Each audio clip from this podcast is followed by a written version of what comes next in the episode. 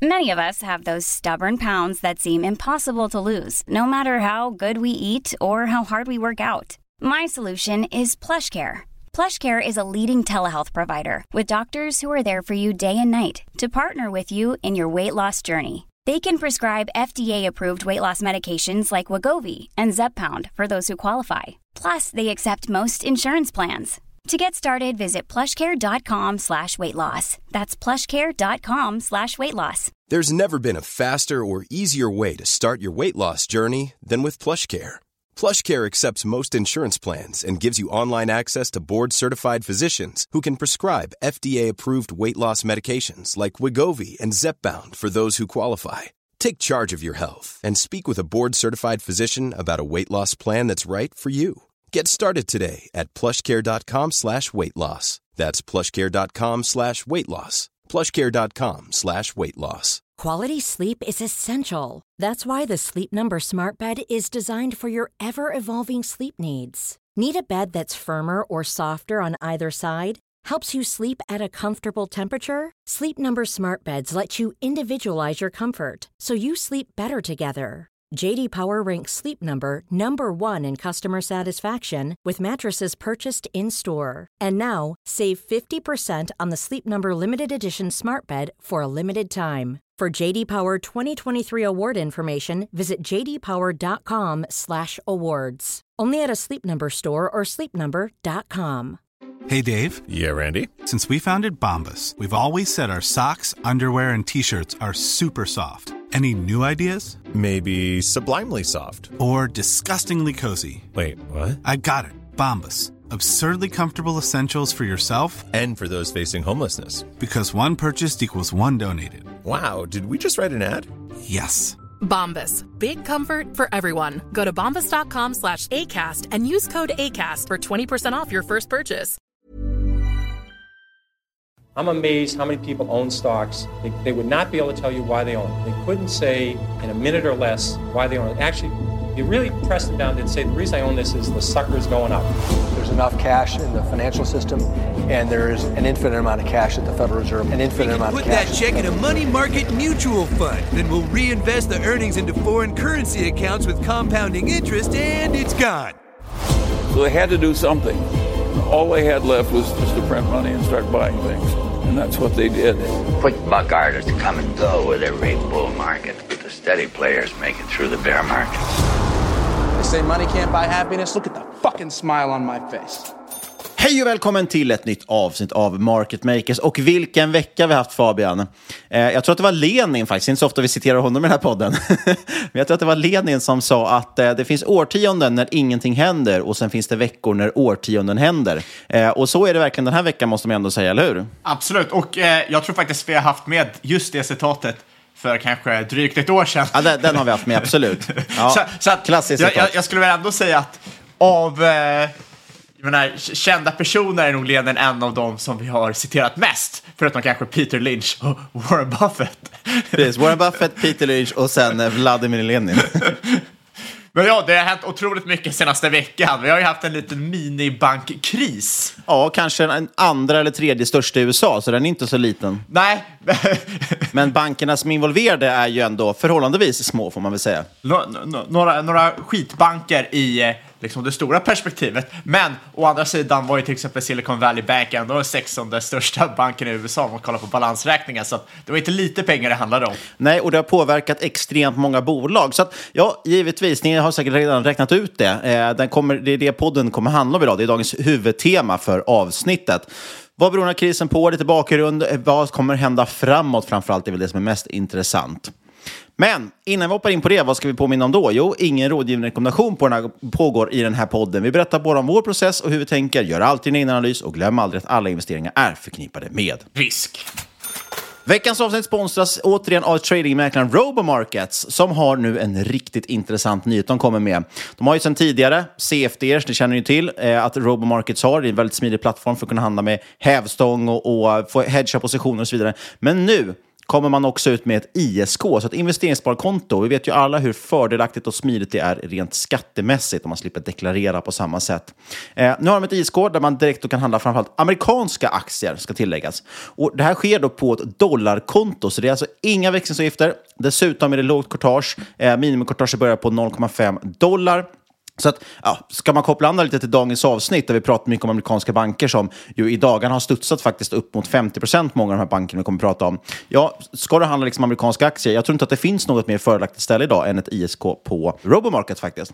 Och en annan stor fördel är ju förstås att de har, man kan liksom snabbt med ett knapptryck flippa över till sitt CFD-konto om man till exempel vill ha en kort position eller hedga någonting eller handla med hävstång helt enkelt. Är du nyfiken att testa går det såklart alltid att skapa ett demokonto för att känna och klämma på plattformen. Robomarkets, de har ju ett kontor i eh, Stockholm. De har även kundsupport på svenska. Som alla investeringar är det viktigt att man förstår hur instrumenten fungerar och det är extremt viktigt att vara påläst innan man handlar. Fullständig riskinformation finns på Robomarkets hemsida. Ja, och i avsnittsbeskrivningen hittar du en mängd intressanta länkar, bland annat om hur ISK-tradingen funkar, pressmeddelande och såklart länk till Robomarkets hemsida. Vi säger stort tack till Robomarkets. Men innan vi ska hoppa in på SVB och den här bankkrisen och så vidare så ska vi väl snabbt dra igenom veckans tre snabba. Och jag ser här, du har kommit ut, skrivit lite anteckningar om att vi pratar om PG Gyllenhammar. Vilken legend! Ja, legenden PG... Blev väl pappa här för bara några år sedan. eh, Ganska... ja, så, så, så är det ju. Legenden fortsätter, du vet. eh. Legenden lever vidare. Han är ju alltså ja, drygt 80 någonting och eh, ja, det var i och för sig några år sedan han, fick barn. Men han fick i alla fall barn efter att han blivit, eh, efter, man blev i alla fall pappa efter 80 års ålder någonting igen. Så att eh, han still going strong får man väl ändå säga. Ja, och still going strong gör han ju i sitt senaste memo från, eh, eller från PGAB. Han driver ju ett eget bolag nu och eh, han har ju liksom lite av en shareholder letter kan man säga. Och förutom att gå ut och veva mot allt från tech och riskkapitalister till banker, Riksbanken och diverse bolag på svenska börsen så tar han sig även an fastighetssektorn, vilket jag tycker är rätt intressant för scrollar man runt på Fintwit och snackar med folk så är det rätt många som nu har börjat glida in och köpa fastighetsdippen och det är väl eh, PG inte det största fanet av. För enligt PG så sitter eh, många svenska fastighetsbolag med hundratals miljarder i obligationsfinansiering, vilket måste eh, refinansieras i närtid. Men de här kommer de inte kunna eh, rulla, troligtvis. Så då är frågan eh, vart de ska få pengar ifrån. Och om de kan det så blir det antagligen till väldigt höga räntor kan man ju tänka sig. Eh, eh, exakt, och För någon ska ju gå med och ta risken och låna ut pengarna till dem. Exakt, och det, det är det PG säger. Det finns nog inte så många som vill ta den risken nu när det är skyhöga värderingar och eh, eh, kassaflöde börjar sina och så vidare. Så då kommer de här eh, obligationsinnehavarna snarare kräva, snarare kräva återbetalning av eh, fordringar mot det här bolaget. Men problemet blir ju nu, vart ska fastighetsbolagen få pengar ifrån? För oftast har de ägare som i sin tur är sjukt högt belånade mot sitt egna aktieinnehav. Så de kan inte skjuta in pengar. Och eh, sen har, och så, som sagt så har du liksom ingen som vill sälja ut obligationer. Eh, men banker är idag också extremt försiktiga med utlåning. De kommer vara ovilliga att låna ut på den höga nivå eh, som obligationer ligger på. Och eh, då är, kommer svaret bli enligt PG att eh, det helt enkelt inte kommer finnas pengar till de här återbetalningen. Eh, och vi kommer se extremt omfattande situation där det blir så kallade debt equity swaps, det vill säga obligationer förvandlas till eget kapital och befintliga aktier dödas helt, raderas ut. In, in, men inte kul precis. för aktieägare. Nej, men och det, det här är ju kanske inte det lika drastiskt, men det här är ju det vi har sett till exempel i SAS och jag tror kanske också Norwegian. Alltså, generellt de här flygbolagen när de, som har gått på knäna, de har haft enorma lån och de kan inte lösa skulden. Tänker. De har inte kassaflöde att backa upp det, ingen vill låna pengar till dem, ingen vill skjuta till pengar på samma sätt. Eh, och det man gör då helt enkelt är att försöka återbetala skulderna genom nya aktier. Eh, jag tror att SAS de spädde väl ut sig själva över 90 procent eller någonting. Så att eh, man kan, ju, man kan ju, om det går riktigt, riktigt illa, faktiskt eh, i princip utradera befintliga aktieägare eh, och då sälja ut bolaget till en annan för, att- för att bli av med de här. Annars är det ju någon form av, eh, alltså, vad heter det, om, någon form av rekonstruktion eller att man säljer hela bolaget till en större, mer stabil eh, ett annat bolag helt enkelt som har en stark kassa. Lite, det var väl det som Rutger Arnhult hamnade i det läget, att han var ju väldigt belånad eh, och slutade helt enkelt med att han fick i princip ett margin call och behövde sälja ut sina aktier och, och då kan man sälja dem billigt då till Roger Akelius som, kan, som kunde täcka hans skuld helt enkelt. Så att det är ju knepigt det här med, man pratar ju om det här, det är riktigt uttjatat ju, men Warren Buffett pratar ju om att det finns eh, de tre L är det väl, som man eh, går bankrutt på. Det är väl lic eh, liquor, ladies and leverage. Man kan ju diskutera hur modernt det uttrycket är, men det sista L där är det viktiga egentligen och det är leverage, helt enkelt belåning. Eh, det är ju faktiskt så att du, du kan aldrig mer än... Ja, du kan ju nolla kontot, men det är väldigt svårt egentligen att nolla kontot om du inte använder hävstång. Eh, det är liksom absolut farligaste sättet egentligen att, att investera på. Jag, jag vill bara lägga in en liten grej där, för många missförstår det L1. Och det är att Buffett och uh, Munger är ju fans av leverage. Det är att du inte ska vara overlevered. Uh, Nej. En bra poäng. Jag tänkte faktiskt förtydliga det också, men så tänkte jag, äh, men nej men absolut, man kan ju absolut i position, vissa positioner använda mindre, mindre andel hävstång eh, till sin fördel, men just för stor hävstång är oftast eh, väldigt farligt. Men Mungers största position har han ju sagt har varit 150 procent av sin portfölj. Så det är all in och lite till. du, du twittrade ju lite om det häromdagen också, just att eh, Buffett ganska ofta inte lever som han lär, kan man ju säga. Många som pratar om buy and hold till exempel, men snitttiden han har ägt en aktie genom sin karriär, var inte det, det var väl ett år, eller var det ännu mindre till och med?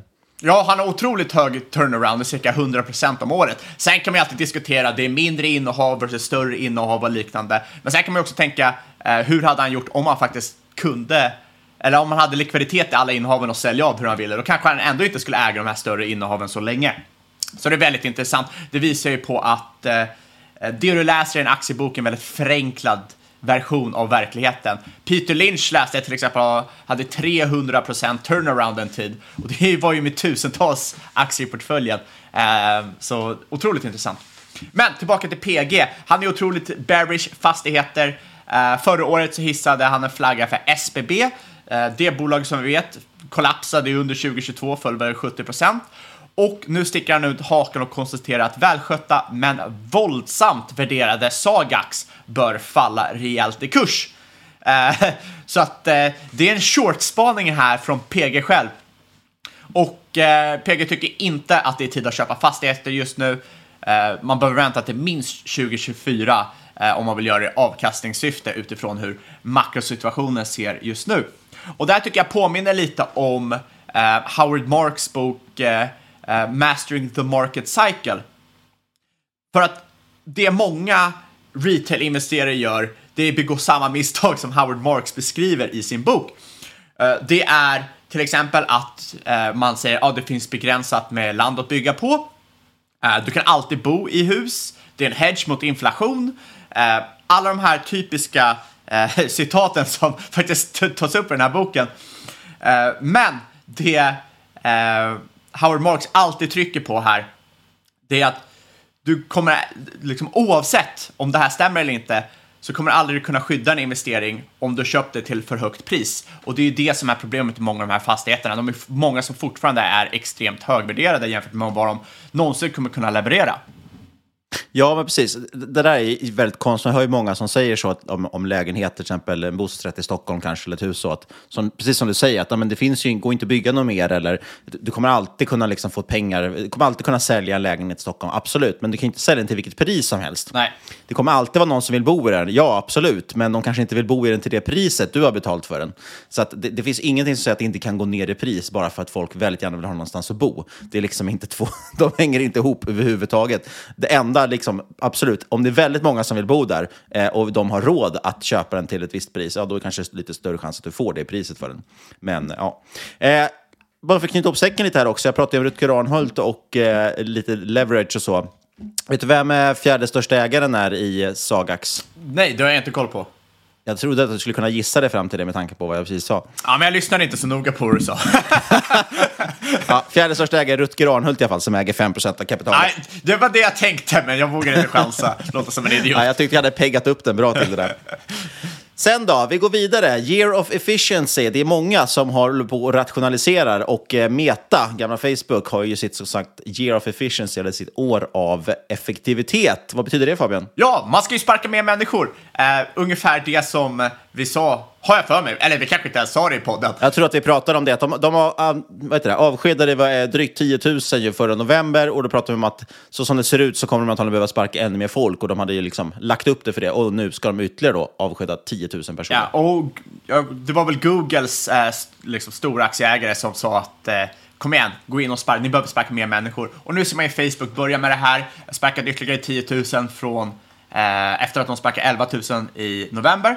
Det som är intressant här nu är att Sack Zack går ut med ett öppet brev till andra techbolag eh, och skriver att eh, sen de kap, började kapa anställda så har ju Meta varit så otroligt mycket mer effektivt eh, än vad man varit tidigare. Man har kunnat liksom få igenom saker med hög prioritering mycket snabbare än tidigare och en riktig rek. Ja, tråkigt att läsa det om man är anställd på något annat techbolag. Ja, exakt. Men det var lite som vi pratade om. Vi, vi pratade i och för sig om att, att det har blivit större ineffektivitet precis när man sparkar de här. Men det berodde ju mycket på att man inte visste vad som hände. Alltså det var en liksom, lite panikartad stämning när alla bara försvinner och man vet inte vem som man ska fråga om saker och ting. Så är det ju. Samma sak av problem ser man i bolag som växer för snabbt.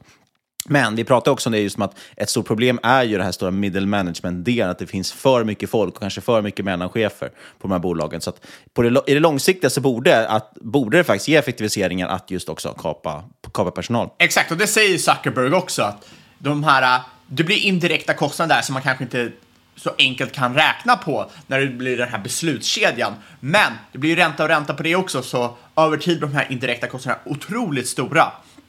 Och eh, de har ju i stort sett märkt direkt att eh, det här har minskat och saker har blivit mycket mer effektiva sen de började kapa människor. Eh, han hintar även på att folk som jobbar in person är mer effektiva än de som jobbar remote, i alla fall om de är tidigare i karriären. Så det liksom blir jobbigt för techmänniskorna nu. Att, många som blir avskedade, fler på marknaden som kommer trycka ner lönerna, kan inte längre jobba remote. Inte lika attraktivt att jobba tech. Men man kan i alla fall säga det här. Meta är ju ESG, för han hjälper ju eh, inflationen genom att avskeda massa människor. ja, så kan man säga det. Framförallt lär många andra techbolag följa efter det här. Så kan det nog vara, absolut. Eh, som tur är då för de här människorna så har det i alla fall blivit dyrare att leva. Så man blir inte bara av med jobbet, man får också dyrare att leva. Nej, förlåt. Det var en, dålig segway här in till de nya inflationssiffrorna. Vi spelar in det här den 15 mars på onsdagen. Det släpps på torsdagen 16 mars. Och igår, när vi spelade in, alltså i tisdags, kom ju amerikanska inflationssiffror. Inflationen i USA ligger nu kring 6 procent. Det var aningen lägre än väntat, vilket var positivt. Jag tycker överlag, det ser betydligt bättre ut för jänkarna än här i Sverige. Eh, det känns verkligen som att USA börjat få lite ändå kontroll på inflationen. Jag vet att många, framförallt amerikaner, fortfarande hånar Fed att ah, det har varit ju mycket, det vart ju inte transitory som ni sa, det är mycket mer stick än vad ni tror. Men det är fortfarande en, hälften av den svenska inflationen som kom in idag. Eh, här landade KPI på 12 procent, lite högre än väntat. Men med det sagt så ska man säga att KPI, då, den siffran, alltså konsumentprisindex, den påverkas ju av räntehöjningar, eller egentligen den påverkas av boendekostnader. Och boendekostnader har ökat med eh, nästan 20 procent senaste året. Och vad påverkar boendekostnader? Jo, räntan. Eh, så att det har ju pratats om det. Det var därför man för några år sedan tog bort, eller sa att KPI inte är den huvudsiffran vi styr efter längre, utan vi styr efter KPIF. Och det här är lite intressant, det här kanske folk redan vet om, men jag tror att alla vet nog inte det. Det var ju intressant för att man hade, ju, hade ju problemet förut var att vi kom ju inte upp i den inflation vi ville ha. Vi ville ha 2% inflation och vi nådde inte dit. Eh, och då kom ju Riksbanken på att men det kanske är för att vi håller på att jaga vår egen svans. För vi håller på att sänka räntorna eh, och då minskar boendekostnaderna som är alltså en stor del av KPI eh, och därmed liksom minskar inflationen ytterligare. Så man, man har en förstärkande effekt. Därför valde man att istället börja fokusera på KPIF som helt enkelt exkluderar de här boendekostnaderna. Eh, det intressanta nu dock är att vi har det omvända, att nu då när man höjer räntorna, ja då ökar ju KPI mycket snabbare för att räntekostnaden ökar. Men så att den viktiga siffran kanske ändå är KPIF.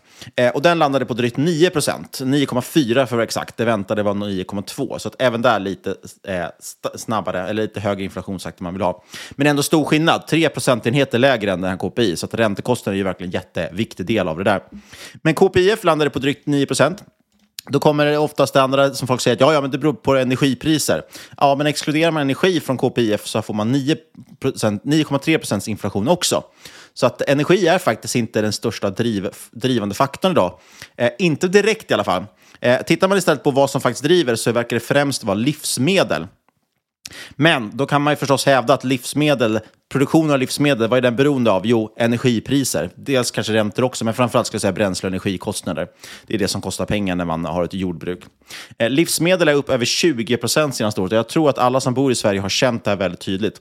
Eh, och sagt, man kan jämföra det här mot till exempel kläder och bilar och restaurang och logi och så. Det har ökat kring 10 procent. Så att livsmedel har verkligen stuckit ut där. Och bryter man ner det här ytterligare, titta på specifika livsmedel, då är det ganska sanslösa siffror. Kan du till exempel Fabian gissa vad är den livsmedelsvara som har ökat mest i pris senaste året? Och jag, kan, jag kan tipsa om att det är en, någon form av eh, grönsak. Ja, det, jag ser många bilder på svenska så lägger upp bilder på typ paprikor och eh, grejer. Mm. Och tomater har jag sett. Gurkor. Precis. Tomater har jag inte hittat någon siffra på, men paprika däremot som säger, den ligger högt upp. Ö 50 procent har paprikor ökat med i pris senaste året. Eh, det som dock har ökat mest är faktiskt purjolöken och blomkål, som har ökat 80 procent, nästan 80 procent i pris. Men fan, det är väl ingen som äter purjolök eller blomkål då spelar ingen roll. Nej, men det jag tror kan påverka, liksom grejen där att folk inte tänker på det, det är ju också att purjolök så inte var så dyrt från början. Så även om den nästan dubblar i pris så blir det inte så stor skillnad. Eh, Medan paprikor, det var ju dyrt innan, även tomat, och nu blir det ännu dyrare. Vad- Smör också är ju klassisk grej som folk lägger upp, upp 40 procent senaste året. Och det enda egentligen står på den här listan som tycks bli lite billigare, det är ju kål. Så det får man väl rekommendera. Det kan vi odla här i Sverige. Eh, Det är väldigt bra att äta det. Eh, Man blir lite gasig kanske, men väldigt billigt. Vad ligger entrecote på? För det är ändå en basvara. Eh, det, det har jag faktiskt inte någon eh, siffra på hur mycket kött har ökat. Jag skulle gissa på att det ligger där kring 10-20 procent också. Ja, men jag tänkte just entrecote för att det, det är den viktigaste köttbiten. Ja, så kanske det är. Eh, nu får det bli entrecôte istället. Ja, nej. Nej, jag skojar. Vi, vi har pratat mycket om annan... Jag hade tänkt göra en ordvits om, om kol. Alltså, vi har pratat mycket om kol som man eldar i podden, att det är värdecase. Idag verkar det dock vara kol som man äter som är värdecase, kan man säga. Jag bara steker med lite bacon så blir det ju gott. Ja, men precis.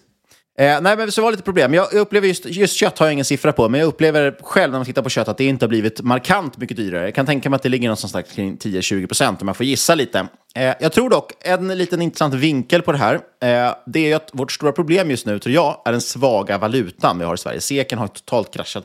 Bara för någon vecka sedan gick det ner 3 procent på en dag mot dollarn. Eh, och varför är valutan svag? Jo, den har ju varit det väldigt länge. Eh, en stor anledning, tror jag, som man inte pratar så mycket om tycker jag i Sverige. Eh, man pratade i och för sig mycket om de här BNP-siffrorna, eller BNP-prognoserna som EU tog fram, där man såg att Sverige låg bland de sämsta i hela EU eh, när det gällde BNP-prognos för 2023.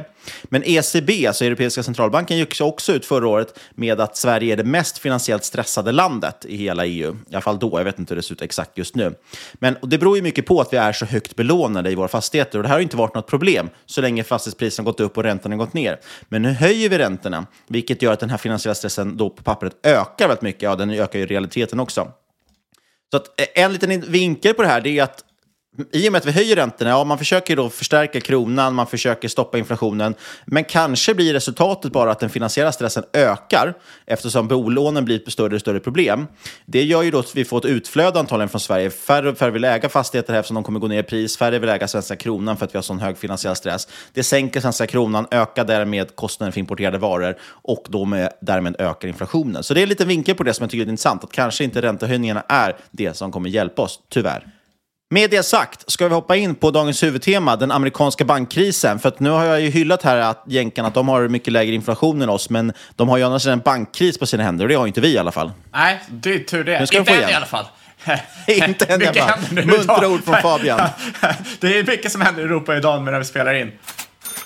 Ja, så vad händer då med det här SVB, Silicon Valley Bank? Inom loppet av en vecka ju, gick ju tre banker i USA omkull, eller hur? Ja, det var ju Silvergate, Silicon Valley Bank och eh, Signature Bank. Och då är frågan, vad hände egentligen? Eh, vi hade ingen aning, så vi tog reda på det. Ja, precis. Vad hände egentligen och är det starten på en ny bankkris kan man undra. För som jag sa, eh, på vissa veckor så sker årtionden och det har minst sagt varit en turbulent vecka. Mängder av sådana här små regionala banker och även en relativt stora banker störtdök ju när det här liksom började uppdagas. Allt mellan runt 50 till 80 procent såg vi nedgångar på de här bankerna på en enda dag. Eh, för att man började oroa sig helt- helt enkelt för att det här hos Silicon Valley Bank skulle sprida sig till övriga banker. Även helt orelaterade banker såsom nätmäklaren Charles Schwab sjönk över 10 procent. Fast jag, jag, jag kan faktiskt hoppa in där och säga att det är inte så konstigt, för de hade ju också ett hål i balansräkningen likt Ah, okej. eh, Silicon Valley Bank. Ja, men däremot såg vi till exempel också att svenska banker och så vidare, så spreds ju ändå till hela banksektorn. Vi såg att svenska banker fick också smaka på sleven dagen efter när våra marknader öppnade. Och i princip samtliga regionala banker som är börsnoterade i USA stoppades faktiskt från handel också under en hel dag. Eh, totalt, den här siffran svänger ju väldigt, väldigt fort, så ta den med stor nypa salt. Men jag såg en siffra på att totalt runt 200 miljarder dollar i börsvärde gick upp i rök. Och då talar vi alltså, om man tittar på den siffran, om den andra eller tredje största bankkrisen i amerikansk historia. Sen kanske den inte får lika stora effekter, men sett till börsvärde. Ja, ultimata buy the dip-läge där. Ja, och det var det ju, för många av de här studsade ju sen upp 50 procent dagen efter här. Eh, men som vanligt tycker jag är intressant också, något man ska ta med sig alltid när det blir sådana här stora händelser, den här oväntade händelser som sker och det blåses upp i media, så måste man liksom tänka på att efter det, då, då skiftar allas fokus till en enda sak och sen liksom blir minsta lilla tecken på att det här återupprepas eller finns någon annanstans, blir väldigt uppblåst. Till exempel som du sa, nu kanske det här eh, hålet i Charles Schwabs balansräkning är ett jätteproblem, men eventuellt är det också bara en liten skitgrej som de kan ta hand om. Och ett ypperligt exempel på det här, jag menar, bara för en kort tid sedan så handlade precis allt i media om de här spionballongerna. Man såg en kinesisk spionballong, vill jag minnas att det var, som sköts ner i USA. Eh, och efter det rapporterades det dagligen om varenda litet oidentifierat objekt som sågs på himlen. Eh, det är ju dock någonting som sker liksom egentligen hela tiden, att, sak, att det kommer oidentifierade objekt i himlen. Men normalt sett är det inte kinesiska spionballonger. Men helt plötsligt var ju allting som man såg eh, en misstänkt spionballong. Så att, ta med sig det alltid. När det, det blir någonting så här stort som händer, då liksom får media eh, man går in i någon slags masspsykos och blir helt fokuserad på att leta tecken efter ytterligare liksom, ja, händelser som, som hänger ihop med det här. Eh, man greppar efter halmstrån helt enkelt. Något som däremot följde just på till exempel då Silicon Valley Banks kollaps var ju att eh, Credit Suisse de gick ut så att de var försenade med sin årsredovisning och erkänner stora svagheter i den. Eh, de är utfrågade av SEC, alltså amerikanska finansinspektionen. Men återigen, vi kanske ska ta det en annan gång. Eh, vi låter oss börja istället från början. Vad är egentligen SVB för bank och hur uppstod de här problemen? Ja, Silicon Valley Bank, eller SVB, som vi antagligen kommer slänga oss med i det här avsnittet. Eh, vad... Jag tänker på SVJ, det var ju Roald Dahls bok Stora vänliga jätten, så SVB tänker jag det kommer stå för Stora vänliga banken. ja, men kanske var, de kanske var lite för vänliga. Eh, för de var ju en väldigt viktig bank inom tech och startup-scenen i Silicon Valley. Eh, de stod för banktjänster för nästan hälften av alla tech och life science-bolag i USA. Sen hade de även kunder i till exempel Kina och liknande. Ja, till exempel kan nämna något snabbt några kunder, Roku, som vi har tagit upp i podden. De hade ju nästan 30 procent av sin cashposition eh, hos banken, 500 miljoner dollar. Även Roblox satt på 5 procent här. En intressant händelse, nu, nu kanske jag går lite händelsen förväg, men Circle, de äger ju den fjärde största kryptovalutan, USDC, som är en stablecoin som alltså ska vara peggad mot amerikanska dollarn. De hade ju eh, tre av sina 40 miljarder dollar hos eh, SVB och eftersom de då helt plötsligt blev av med de här pengarna så fick de depegga USDC, alltså sin stablecoin. Eh, och den sjönk ju åtminstone 10% på den nyheten, så att de fick ett väldigt stort problem. Även till och med svenska Kinnevik såg jag hade en mindre cashposition på SVB. Eh, de kommer antagligen inte påverkas alls av det, men, men det var ändå intressant att notera. Ja, och eh, banken var ju faktiskt så eh, populär just för att VC-bolagen eh, uppmanade sina portföljbolag att sätta in pengar på SVB så fort de stängt en runda. Och exakt varför man eh, uppmanar till detta är rätt oklart, men man kan påpeka här att SVB även investerade i VC-fonder och deltog till exempel i börsnoteringar. Eh, så kanske lite, eh, inte, inte, inte helt objektivt, men det är bara en spekulering. Det som är intressant här är ju, på grund av de här insättningarna så blev ju snabbt SVB USAs 16 största bank sett till balansräkning. Ja, och jag måste bara, förlåt, utöka det här med kunderna också. Även vinindustrin kanske kommer påverkas av det här. Eh, Napa Valley, alltså eh, Kalifornien överlag är ju en stor vinproducent i USA, eller i världen, ska jag säga. Eh, och framförallt Napa Valley är ju hemvist för många av världens dyraste viner. Eh, och den lokala vinindustrin har ju såklart också använt Silicon Valley Bank. Eh, totalt har man lånat ut över 40 miljarder kronor till den här lokala vinindustrin. Och Det har kallats för vinindustrins husbank i Kalifornien de senaste 30 åren. Eh, och ja, Nu verkar man ju få tillgång till konton igen, men först ett tag där så stod ju mängder av vinproducenter i USA också utan tillgång till sina bankkonton. Så det här är en bank som ändå påverkar många delar av, av samhället i Kalifornien. Absolut. Och problemen för SVB började egentligen inte i år, utan under 2020. Och som ni säkert minns så var det ju två saker som eh, utmärkte 2020. Det första var ju covid och det andra var ju helt sjuka stimulanser från världens centralbanker och vi såg ju världens techboom. Det var ju så att techbolagen badade i pengar under 2020 och 2021. Och SVB fick in miljarder med dollar från de här företagen eh, som fått, fått in pengar via börsnoteringar, eh, VC-investeringar, spackar, liksom lite allt möjligt under 2020, 2021 och 2022. Insättningar på SVB tripplades mellan 2019 och 2021 till 189 miljarder dollar. Och bara under 2020 och 2021, som var de mest håsade åren, eh, kom det in nästan 130 miljarder dollar bara i insättningar. Och det här ska man jämföra med det nationella snittet i USA som låg på 37 procent ökning under den här treårsperioden. Rätt stor skillnad där på en trippling versus eh, cirka 40 procent. Ja, 2020 framförallt var ju året av pengatryckarna som man pratade om. Det trycktes väl, vad var det, en tredjedel av alla dollar någonsin trycktes under 2020. Och en stor del av de pengarna som du säger gick ju till techbolag som använde SVB som bank. Så att, ja, de hade ju verkligen en, en eh, väldigt medvind kan man säga. Exakt, och SVB fick helt enkelt in så mycket pengar att de inte visste vad de skulle göra av alla pengar. Det är lite samma problem som du och jag har Fabian. Exakt, exakt, fast tvärtom kanske. uh, men för att förstå riktigt vad som hände med SVB så är det rätt viktigt att förstå eh, liksom lite grunderna i hur en bank fungerar och framförallt regleringar som finns eh, kring de här bankerna. Eh, det är ju så att insättningar från eh, kunder till banken är i grund och botten en skuld som banken har gentemot kunden. Men de här insättningarna kostar såklart pengar för banken. De måste ju kunna betala för eh, ta hand om pengarna via personal och så har de ju diverse systemomkostnader, kanske måste betala ränta på de här insättningarna och så vidare. Och för att få tag i den här degen så måste de ju sätta de här insatta pengarna i rullning. Alltså antingen låna ut pengarna till en kund eller investera de här pengarna. Men de kan ju inte göra det här liksom lite hur, hur som helst. Eh, de kan inte låna ut för mycket, de kan inte investera exakt vad som helst. Det finns regleringar kring det här. Och det första är såklart kapitalkrav. Eh, det innebär att man måste ha en viss procent av totalt kapital tillgängligt i likvida medel. Det krävs 4 procent för att vara så kallad adequately capitalized, alltså okej okay kapitaliserad, och 5 procent för att vara så kallad well capitalized, eller bra jobbat grabben. Men det är bra att komma ihåg att det här är riskviktat. Det innebär att olika tillgångar kommer kräva olika mängd kapital. Statsobligationer till exempel har en noll i riskviktning och det betyder alltså att du behöver ha eh, mindre likvida medel, eh, cirka 4 procent för att möta spärren.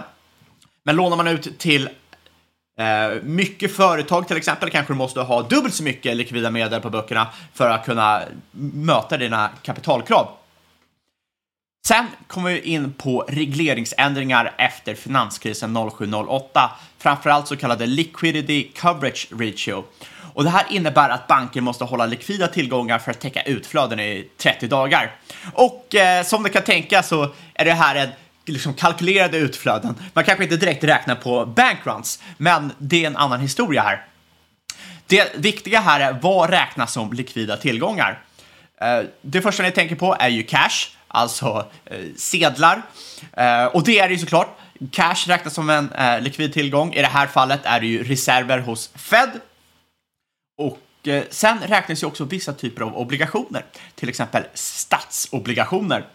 Eh, men också lite andra obligationer. De nya regleringarna behandlar statsobligationer, vissa högratade företagsobligationer och vissa MBSer som likgiltiga med cash, det vill säga reserver hos centralbanken då de anses vara likvida och snabbt kunna säljas av utan att man riskerar en haircut.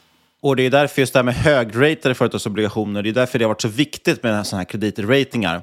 Om man eh, går tillbaka till eh, finanskrisen så var det ju det en, en stor del av bubblan pratade med att de här eh, MBS-erna eh, var ju, de här bolånen paketerades ihop och fick för höga ratingar. Och har de höga ratingar så är det fler som kan äga dem helt enkelt för att de anses som, som lägre risk. Apropå finanskrisen Fabian, det känns som att det här, det här med bankregleringar, då skulle man behöva göra som de gör i den filmen Big Short. Då drar de väl in hon skådespelaren Margaret Robbie i ett bubbelbad tror jag, för att förklara de här tråkiga delarna i filmen. Ja, men vilket- Det är något sånt vi skulle behöva göra här, men ni får helt enkelt se framför er Fabian i ett bubbelbad när ni lyssnar på det här. Det, och jag har varit och bänkat mycket, så jag är också stora tuttar nu. Ja, då kan vi alla visualisera det, så ska Fabian fortsätta prata lite här om, om att äga statsobligationer. Does it make you feel bored or stupid? Well, it's supposed to. Wall Street loves to use confusing terms to make you think only they can do what they do. Or even better, for you just to leave them the fuck alone. So here's Margot Robbie in a bubble bath to explain. Så banker har nu möjlighet att antingen hålla i cash eller ha en portfölj med obligationer. Och varför skulle man vilja hålla i obligationer, tänker ni? Jo, för de har ju såklart högre yield än cash. Du får ju lite avkastning där. Eh, Däremot så har du ju risker som du kanske inte har när du har cash. Du har ju ränterisk och du har en yield spread-risk. Och ränterisk är ju såklart att eh, det är ju risken att obligationen kan tappa i värde om räntan går upp, eftersom nya obligationer kan ges ut till mer- mer attraktiv ränta. Men räntan skulle ju aldrig kunna gå upp. Exakt! Räntan skulle aldrig kunna gå upp. Och yield spread-risken är skillnaden i yield mellan till exempel en statsobligation och en företagsobligation med samma maturity. Så när räntan och kreditspreadar fluktuerar så gör ju såklart även värderingen på de här obligationerna och obligationsportföljerna det också. Och det belastar ju bankens PNL. Och här kommer kruxet bakom hela den här historien. För att dämpa påverkan av volatiliteten så tillåts banker klassificera sina obligationer som antingen available for sale eller som held to maturity. Uh, available for, uh, for sale är mark to market, det vill säga man redovisar ju marknadspriset eller fair value, det, det marknaden sätter priset på just nu, och de kan köpas och säljas fritt. Men vill man inte påverkas av vollan på det här sättet så kan man ju välja så kallad held to maturity. Och held to maturity är inte mark to market och man redovisar ju i stort sett inköpspriset där och de här hålls till maturity. Det vill säga att eh, det som står på böckerna kanske inte riktigt är det det värderas till i verkligheten. Nej, precis. För som du säger, man, man köper en statsobligation som säger ska ge 1% och den ska hållas i tre år. Eh, om man skulle försöka sälja den idag, då, innan det har gått tre år, då får man ju inte antagligen ut hela priset om man- räntan har gått upp. Så att det, det, det är problem där man kan välja att bokföra dem antingen att de är till salu eller att de inte är till salu. Och är de inte till salu så måste man hålla dem hela vägen ut för att få ut tillbaka pengarna. Exakt, och det är det som är grejen. Tanken är att de ska hålla, och hålla i de här och då får de ju tillbaka alla sina pengar. Måste de sälja av i mitten där, ah, då kommer de nog inte få det. Precis, och det är ju nyckelordet. Ju. Vad, vad händer med balansräkningen om man helt plötsligt tvingas sälja någonting som man inte har tänkt sälja? Exakt. Lite samma sak, vi, apropå det vi pratade om fastighetsbolag. Eh, Du kan ju, marknads, du kan ju balansföra, alltså skriva ett visst värde på dina fastigheter, men det kan ju visa sig att om du tvingas att sälja dem i panik så kanske de inte var värda det du har skrivit, upp dem, skrivit dem till. Ja, och det här för oss tillbaka till SVB. Eh, när de fick så mycket insättningar, de visste inte vad de skulle göra av med dem. Vad hände? Jo, det visade sig för det första att deras kunder, många av de välkapitaliserade startups eller techbolag, inte direkt behövde lån. Så SVB valde ju den andra rutten att investera pengarna istället. Ja, för det normala är ju oftast kanske att en bank försöker låna ut pengarna så de ska få ränta på det, så att pengarna snurrar runt helt enkelt. Eh, då försökte man, ska ändå ge dem en liten eloge för kreativitet, de försökte hitta på nya former av lån anpassade efter deras kundgrupp. Det största som de hade var ju eh, lån mot illikvida eller privata tillgångar, det vill säga om du äger aktier i en onoterad startup eller du äger aktier i en noterad startup men du är typ Elon Musk så du kan inte sälja din stek, ja då kan du ändå låna mot den tillgången fast den inte är likvid. Eh, och sen hade de också lite specialgrejer som finansieringslösningar för privatjet och sådär som jag sett f- runt på nätet. Så det, det är lite en annorlunda typ av lån än vad till exempel Handelsbanken har. Ja, och man valde ju att investera i obligationer, eller rättare sagt MBS med long maturity, eh, 10 år. Och där gav lite ränta, eh, cirka 1,5 procent. Och eftersom SVB inte betalade ränta på insättningar så kunde de ju ta spreaden i fickan. Och man kanske kan nämna det att de tog ju de här tioåringarna för att ja, desto längre du gick ut, desto mer ränta fick du. Så de valde de, längst, de som låg längst bort för att få mest ränta. De ville ju maximera sin intjäning. Exakt, och Och räknade inte med att de skulle kunna gå ner i pris. Ja, de hade ju 80 miljarder i eh, dollar i eh, MBSer i deras Health to Maturity-portfölj, varav 97 procent hade 10 plus år duration och som sagt snittgilden var 1,56 eh, procent. Nu är ju riskfria cirka 2-3 gånger högre, så att ja, bra trade grabbar. Eh, problemet här är ju exakt det du säger. att köpa långa obligationer, eller långdaterade obligationer, när räntan är på all time low, det, kan, det, är liksom, det är lite som att plocka mynt framför en ångvält. Eh, för att det de gör här är ju att ta ett bett på att räntan inte ska stiga kommande tio år och att därmed deras liksom, techbolag som är eh, väldigt eh, känsliga för just räntan inte kommer behöva plocka upp en stor del av eh, pengarna kommande tio år heller. Eh, för att det är enda sättet att de inte ska kunna förlora pengar på den här traden, det är att räntan förblir låg och förhoppningsvis sjunker. Och... Ja, för, för det är, någonstans är det, det här hade ändå funkat också om det är så att folk inte plockar ut sina pengar. Alltså om det plockas ut så pass mycket pengar att de behöver börja sälja sina säkerheter, då helt plötsligt, ja, det är ju egentligen då de hamnar i problem. Men om folk inte behöver sina pengar är det inga problem. Och, och det här leder oss då till varför folk började plocka ut sina pengar. Exakt. Silverbank, eh, som var, egentligen var go-to-banken för kryptobolag, de hade bland annat FTX och Alameda som kunder, eh, stängde ner eh, förra veckan. Eh, det var förra onsdagen har jag för mig. Så en vecka innan vi eh, spelar in det här. Och deras kunder, det var ju inte privatpersoner som du och jag, utan det var ju snarare crypto exchanges. De här eh, crypto exchangesarna, de hade ju sin egna bankrun eh, för att efter FTX gick under vill ju ingen kryptoinvesterare eller spekulerare ha sina pengar där. Så att de i sin tur var ju tvungna att gå till Silverbank och kräva ut sina pengar så de kunde gå till slutkunden. Och eh, det skapade ju en, den här sjuka kedjereaktionen eh, som skapade en likviditetskris hos Silverbank och hela banken eh, gick under. Och efter det här så rådde ju många VC-bolag, bland annat eh, eh och VC-investerare, bland annat Peter Thiel, eh, sina portföljbolag att snabbt rycka sina pengar från SVB ifall de också skulle få problem. Så det blev lite om en anordnad bankrun här, eh, vilket kommer tillbaka till de problemen du säger Niklas. Det hade inte varit något problem för SBB om inte Silverbank hade gått under, om inte alla de här VC-bolagen eh, helt plötsligt hade fått för sig att rycka alla sina pengar på exakt samma tid. Nej, och för att verkligen förenkla här nu, för jag kan förstå att det kan vara svårt att hänga med alla svängar. De har ju alltså pengar. Det är ju en stor skillnad kanske mellan eh, en klassisk bankrun kan ju vara problemet att, att det finns inte till med pengar. Det är därför det ofta blir en bankrun, för folk vill få ut pengarna innan pengarna är slut. Men i det här fallet hade de ju egentligen pengarna, men de hade stoppat in väldigt stor del av pengarna i ränte, räntepapper som, som löpte på tio år och räntan hade ju två, gått upp två, tre gånger sedan dess, vilket betyder att de här räntepapperna är inte värda lika mycket längre. Men de var inte bokförda till, till det marknadsvärdet som vi pratade om. Eh, vilket betyder då att helt enkelt, kommer alla och kräver ut sina pengar, då måste de sälja de här och då helt plötsligt upptäcker vi vad det faktiska värdet är på säkerheterna.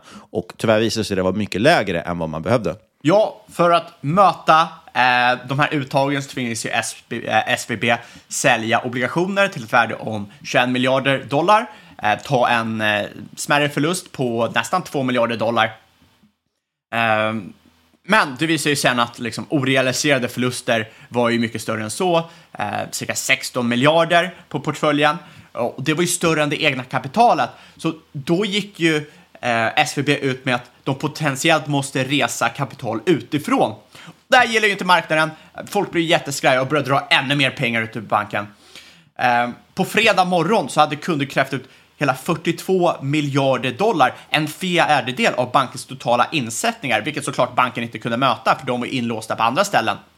Det där är ju problemet. Säger man att, eh, tyvärr är det så, man vill ju ha transparens, man vill ju att banken ska säga att det finns risk att man inte kan täcka förlusterna. Men problemet är ju också att förlusterna skenar ju. Om man säger att man kanske inte kan täcka, vi har inte till med pengar säger de, Vi kanske måste ta in kapital utifrån. Då blir ju alla livrädda och börjar plocka ut sina pengar och då eh, startar ju problem.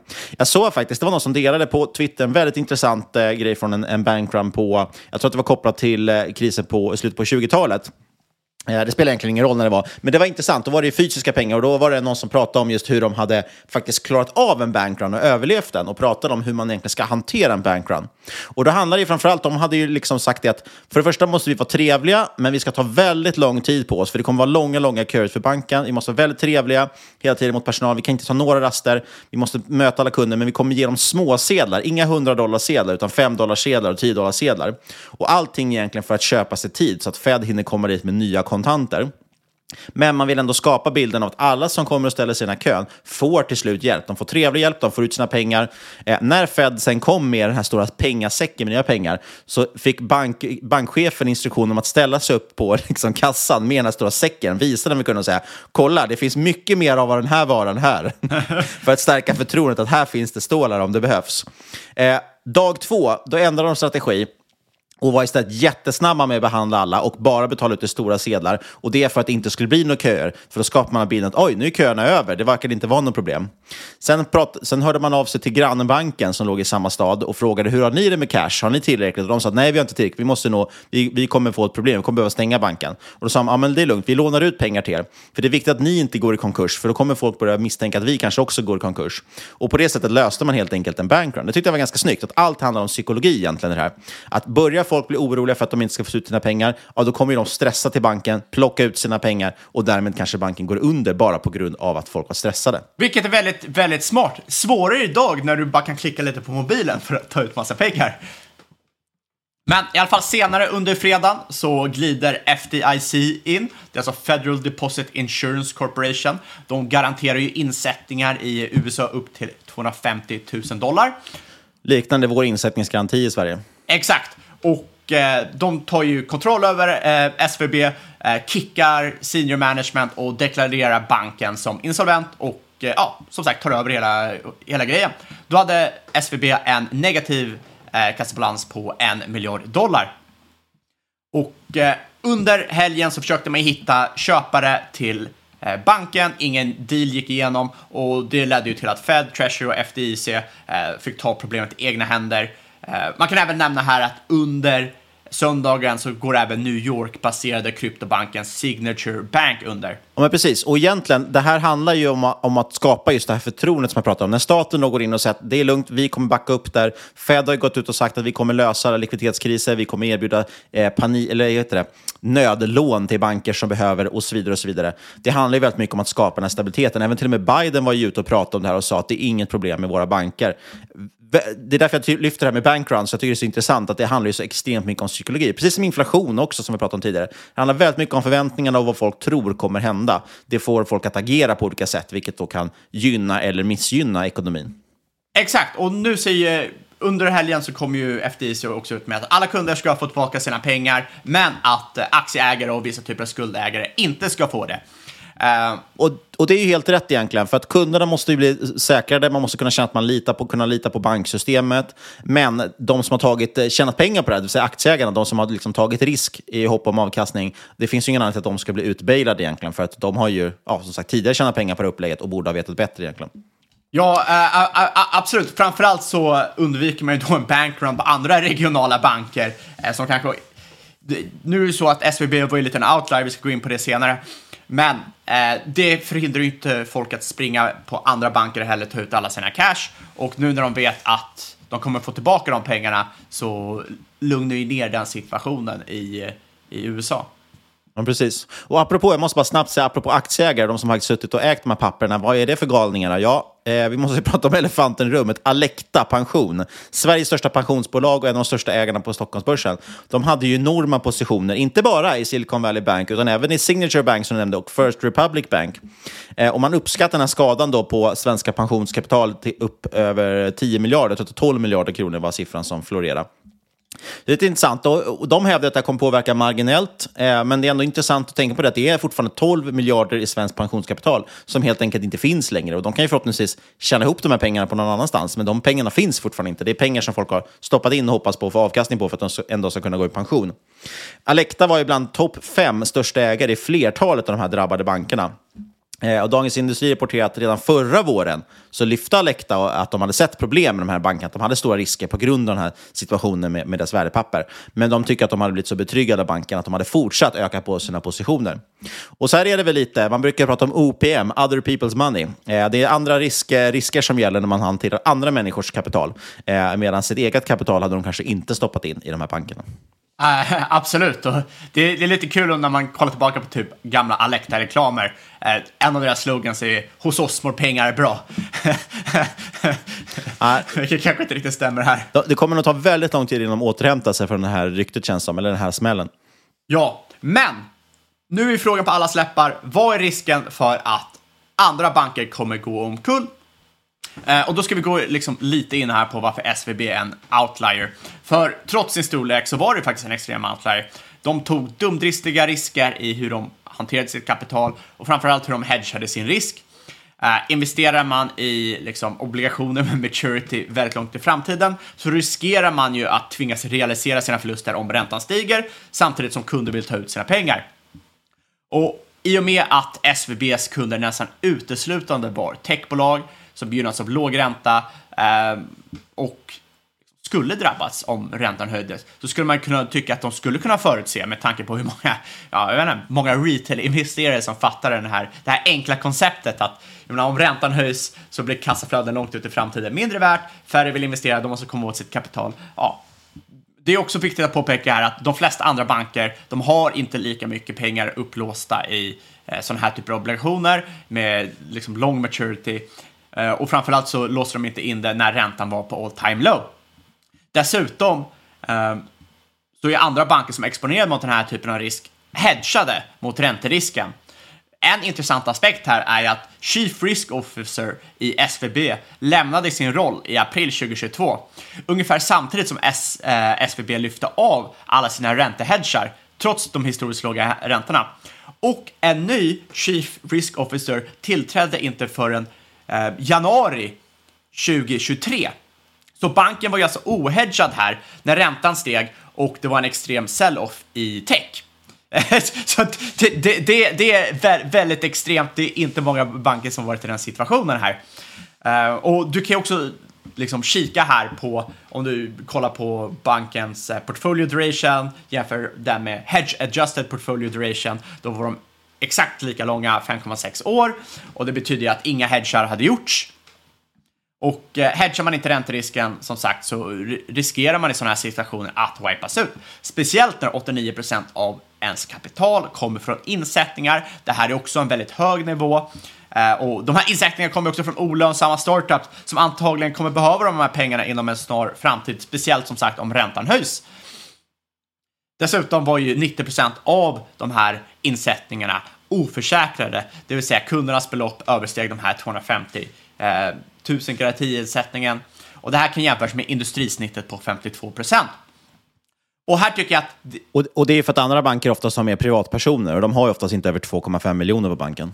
Absolut. Eh, och det, det, det är väldigt viktigt. Men jag tycker också att det är väldigt liksom, oklart varför VCS rådde sina startups att pumpa in alla sina pengar i en och samma bank och framförallt sitta på cash. Som du sa, Roku hade liksom 500 miljoner nästan i, i cash på SVB.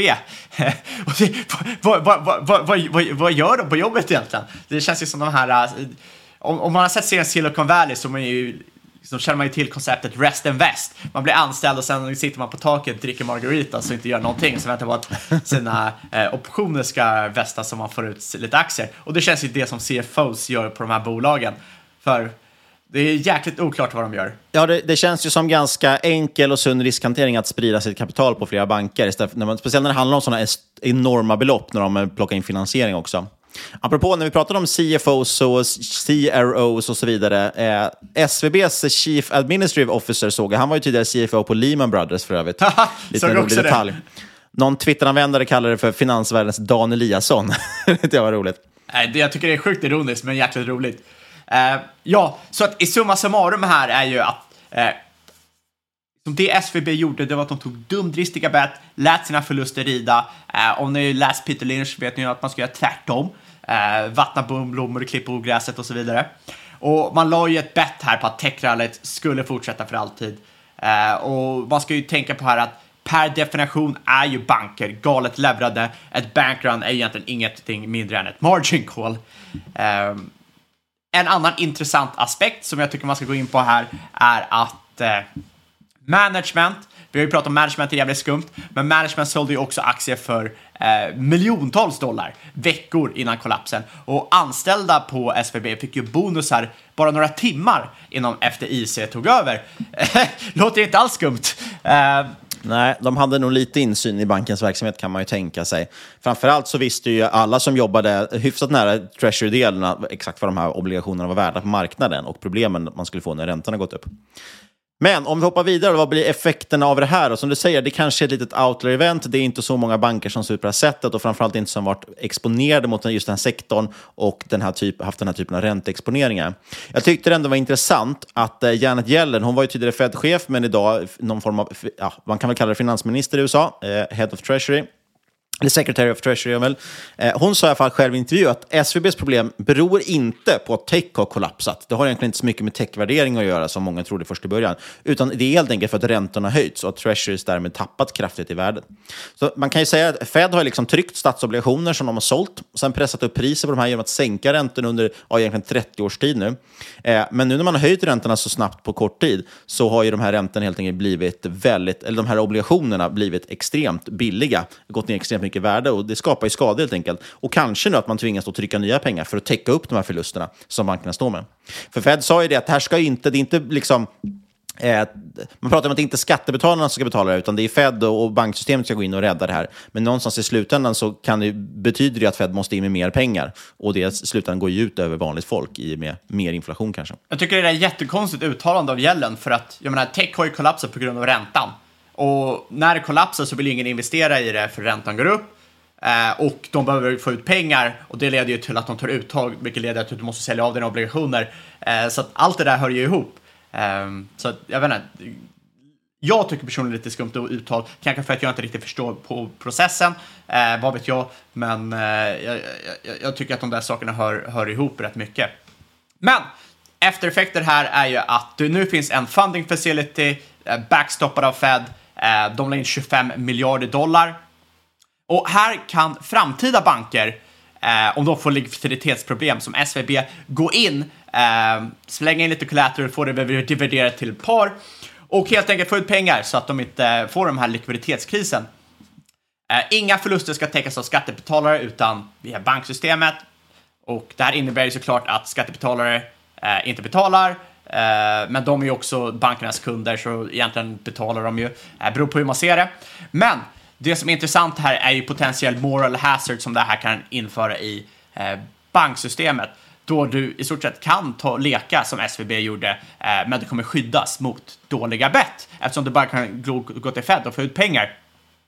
Eh, det intressanta här nu som har hänt är att det har ju öppnat upp ögonen för de regionala bankerna i USA och liksom det systemet de verkar under. Eh, och regionala banker och communitybanker i USA är väldigt viktiga och de har en väldigt stark lobbyverksamhet.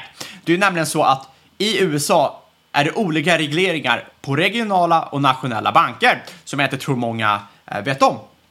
I USA finns det så kallade Tier 1, Tier 2 och Tier 3 banker. Tier 1-banker är ju de här kända JP Morgan och Goldman och liksom nationella bankerna, internationella bankerna. Sen tier 2 och tier 3, de här skitbankerna, ingen har hört talas om tidigare, men som är otroligt viktiga för eh, USAs liksom, interna ekonomi. De här tier 2 och tier 3-bankerna har slappare krav än de stora internationella bankerna i landet och alla andra banker i utvecklade länder. Och det här innebär att en majoritet av de amerikanska bankerna inte fullt ut behöver följa till exempel Basel 3-regleringar. Eh, de kan tumma rätt mycket på Net Stable Funding Ratios, Liquidity Coverage Ratios och så vidare. Eh, så även fast eh, SVB var den sextonde största banken i USA så kunde de kringgå många risk management-krav som europeiska banker till exempel inte alls kan göra, eller de stora amerikanska bankerna inte alls kan göra. Och banker med mindre än 250 miljarder dollar i tillgångar har slappare regleringar i USA. Och det här sätter ju upp lite av en framtida problem kan, kan jag tänka mig. Du har jättemånga regionala banker med slappare risk management-krav och du har det här äh, att du är backstoppad av Fed. Så även fast majoriteten inte har liksom skött det lika dåligt som SVB så blir det liksom lite av en uppmaning att sköt, sköt er sämre, sköt er sämre, för vi liksom, det är lugnt, ni kan få bättre avkastning och ni kommer räddas ut om saker går åt helvete. Eh, och jag tycker att man kan liksom tänka på två saker här. Eh, det första är eh, vad som hände efter Continental Illinois fallerade 1984. Eh, det var den då största banken att gå under i USA. Eh, man hade också en stor andel oförsäkrade insättningar och Volker tvingades komma till undsättning. Efter det här så medgav Volker att man inte längre hade rum kvar till tightening och inom sex månader av att den här banken höll på att gå omkull så tvingades man börja sänka räntan med 0,5 procentenheter. och det är rätt viktigt att tänka på nu när många säger att eh, eh, Feds agerande börjar ha sönder saker i ekonomin. Kan det här vara första steget i att man ser en sänkning framöver? Att du måste överge de här inflationsmålen för att det börjar uppstå risker som man inte riktigt fullt ut förstår. Jag, jag, jag, jag tänkte faktiskt, eller ta det andra först, så kan jag återkomma till det sen. Eh, det andra är finanskrisen. Och även om det här inte alls är särskilt likt 0708 ur en systematisk synvinkel så fick Fed och eh, liksom banksystemet extremt mycket skit när JP Morgan tilläts skopa upp Bear Stearns till 2 dollar aktien och Fed garanterade 30 miljarder för den här påsen med skit-MVS som hörde till. Eh, JP Morgan tvingades ju sedan höja budet till 10 dollar aktien bara för syns skull, men skadan var redan skedd. Och liksom, den här eh, synen på banksystemet efter det här inträffade var en stor anledning till varför man lät Lehman gå omkull. För det såg så pass dåligt ut att rädda de här bankerna. Och det är så att kassa, högleverade banker kommer ju såklart få problem först eh, och därmed räddas. Eh, men till slut så kommer liksom synen på det här vara så dåligt att eh, kanske större och viktigare banker som inte är så eh, liksom illa däran, men eh, liksom drabbas av en kedjereaktion, inte kommer kunna räddas för att liksom, det har gått så långt ut. Eh, du får så mycket kritik av att göra det. Eh, och då kan man ställa sig frågan, vad är nästa steg i en potentiell kedjereaktion här nu när kunder kan ta ut till exempel 42 miljarder dollar på en fredag samtidigt som räntor stiger snabbt och eh, eh, kunderna kanske helt plötsligt vill kunna tjäna ränta på sina pengar och så vidare som gör att de kanske vill ta ut pengar från de här regionala bankerna. Eh, men man, man, börjar i alla fall se lite problematik här med att Fed har haft så otroligt lös liksom, politik senaste årtiondet. Ja, för det där är jätteintressant, just det här med att synen på banksystem. Man har ju, det är därför också mycket banker har gått under, för att man pratar om det här too big to fail. Det vill säga att de säger att vi är så pass stora, så pass viktiga att staten kommer aldrig låta det här gå under. Och det gör ju att man brukar prata om det, att man eh, man kapitaliserar uppgången, eller man använder kapitalism när det går uppåt, det vill säga då är det aktieägarna som får ut pengar, men när någonting faller så socialiserar man förlusterna, det vill säga då får samhället gå in och, och täcka upp förlusten. Men ur ett större perspektiv, det som är mest viktigt egentligen, kanske som investerare, det är ju egentligen hur Fed ska reagera på det, och som du var inne på där med att Fed kanske måste omvärdera nu lite. Man har ju i tidigare räntehöjningscykler gjort så, det har vi pratat flera gånger i podden, att man helt enkelt har försökt höja räntan så pass länge tills att något går sönder. Man höjer den tills man ser att oj, nu börjar systemet krackelera, där var smärtpunkten, då stannar vi av i räntehöjningscykeln, kanske till och med tvingas sänka när man får en kris på händerna. Eh, och det är här man har sett nu, det är därför vi har fått de här eh, vilda svängningarna. Idag så att börsen var ner väldigt, väldigt kraftigt, 2,5 procent på Stockholmsbörsen, för att vi hade sämre inflationssiffror och man undrar lite om bankernas ställning och så i och med det här med Credit Suisse och så vidare. Men Häromdagen hade vi en kraftig, kraftig uppgång efter de här fallen. Och det är egentligen för att man väldigt snabbt nu justerar upp och ner, fram och tillbaka, förväntningarna på Feds räntepolitik framåt på grund av det här. Är det här, liksom, som du säger, ett tecken på att någonting har gått sönder? Nu måste Fed stanna av lite. För alltså, bara under en veckas tid, det har gått sjukt fort, så hade man ju först förväntningar på Fed att man skulle höja 0,25. Sen väldigt snabbt justeras det upp. Inflationsförväntningarna har varit lite sämre. Då justerar man upp och så att Fed kommer höja 0,50 istället. Men Snabbt sen prisade man in, när det här liksom eskalerade så prisade man istället in att räntan skulle lämnas oförändrad. Nu tror jag att förväntningarna just nu ligger på 0,25, men det här verkar ändras väldigt snabbt. Så att, ska Fed höja eller ska de lämna oförväntat och så vidare, det, det skiftar väldigt, väldigt fort på grund av det här. Kanske dessutom, eh, nu kommer ju inflationssiffrorna i USA in lite lägre än väntat, så kanske det är det här liksom det fönstret som behövs för att kunna stanna av lite den här räntehöjningscykeln. Eh, och som sagt, Janet Yellen har ju själv pratat om att det här är ju liksom, problemet bygger egentligen på att man har höjt räntorna väldigt, väldigt mycket. Det ska bli väldigt intressant att se det utvecklas framåt. Det är i alla fall inte kul tror jag att vara riksbank eller centralbankschef just nu. Eh, eh Hanna, bara som en liten sista bonusfakta här innan vi, innan vi går ut i av, slutet av avsnittet, är ju en annan centralbank på en helt annan del av världen, nämligen Swiss National Bank, alltså centralbanken i Schweiz.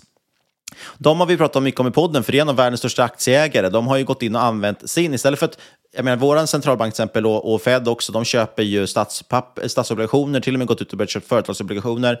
Schweiz tog det ett steg längre, har ju låtit sin national, äh, centralbank köpt aktier istället. De har bland annat varit stora aktieägare i Apple och, och så vidare. De var väl till och med ute och vevade i memestonsen? Ja, absolut. De var inne i AMC bland annat, tror jag. Eh, men nu redovisar de en förlust på 1500 miljarder kronor eh, efter att det har varit en kollaps då på aktiemarknaden helt enkelt. Och det motsvarar ungefär 20 procent av Schweiz BNP. Så att, ja, det är lite samma grej som med SVB, att det funkar så länge det funkar. Och helt plötsligt så funkar det inte längre. Inget av den här podcasten ska ses som rådgivning. Alla åsikter var inne, eller gäst och eventuella sponsorer tar inget ansvar för det som sägs i podden. Tänk på att alla investeringar är förknippade med risk och sker under eget ansvar. Vi vill rikta stort tack till vår sponsor Robomarkets. De har sagt lanserat ett ISK med dollarkonto, så att vill du in och handla till exempel amerikanska aktier, kanske försöka fiska upp några av de här utbombade bankerna, ja, kolla då in Robomarkets, finns länkar i beskrivningen. Och ni kan kontakta oss på podcast at marketmakers.se eller på Twitter och eucaps at marketmakerspod. På tal om EUCAPS har nu Sickum och iSafe anslutit sig till EUCAPS, så gå in och kika. EUCAPS-appen är nu även godkänd för både Android och iOS. Härligt! Och lämna jättegärna en recension av podden på iTunes. Och sist men absolut inte minst, stort tack för att du lyssnat, kära lyssnare. Vi hörs igen om en vecka.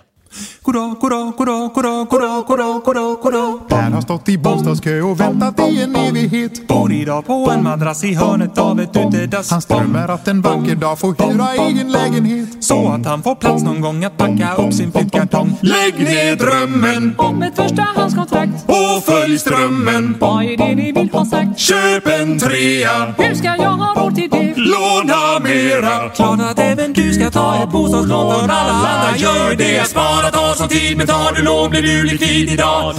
Nu ska jag gå till banken men då kommer tanken. Kommer de bevilja mig ett bostadslån? För jag går en del på travet Amorteringskravet. Låter tufft och jag har inget jobb. Goddag, en person i bankman. Jo, jag går i tankar om att kanske köpa mig en lägenhet för tjat. Låna vad jag ville, sju och en halv mille. Utan någon avbetalningsplan ditt nya bolån har vår bank en lönsam marginal. Räntorna är låga men med större lån tas det igen. Och får vi slut på pengar ber vi Riksbanken om kapital. Pengar som lånas in kostar oss ingenting. Och som luft i en pump Brukar de bostadsvärdet Ja visst är det härligt när det Rusning på en marknad, stämningen känns knarkad. Alla täljer guld så länge priset stiger håll.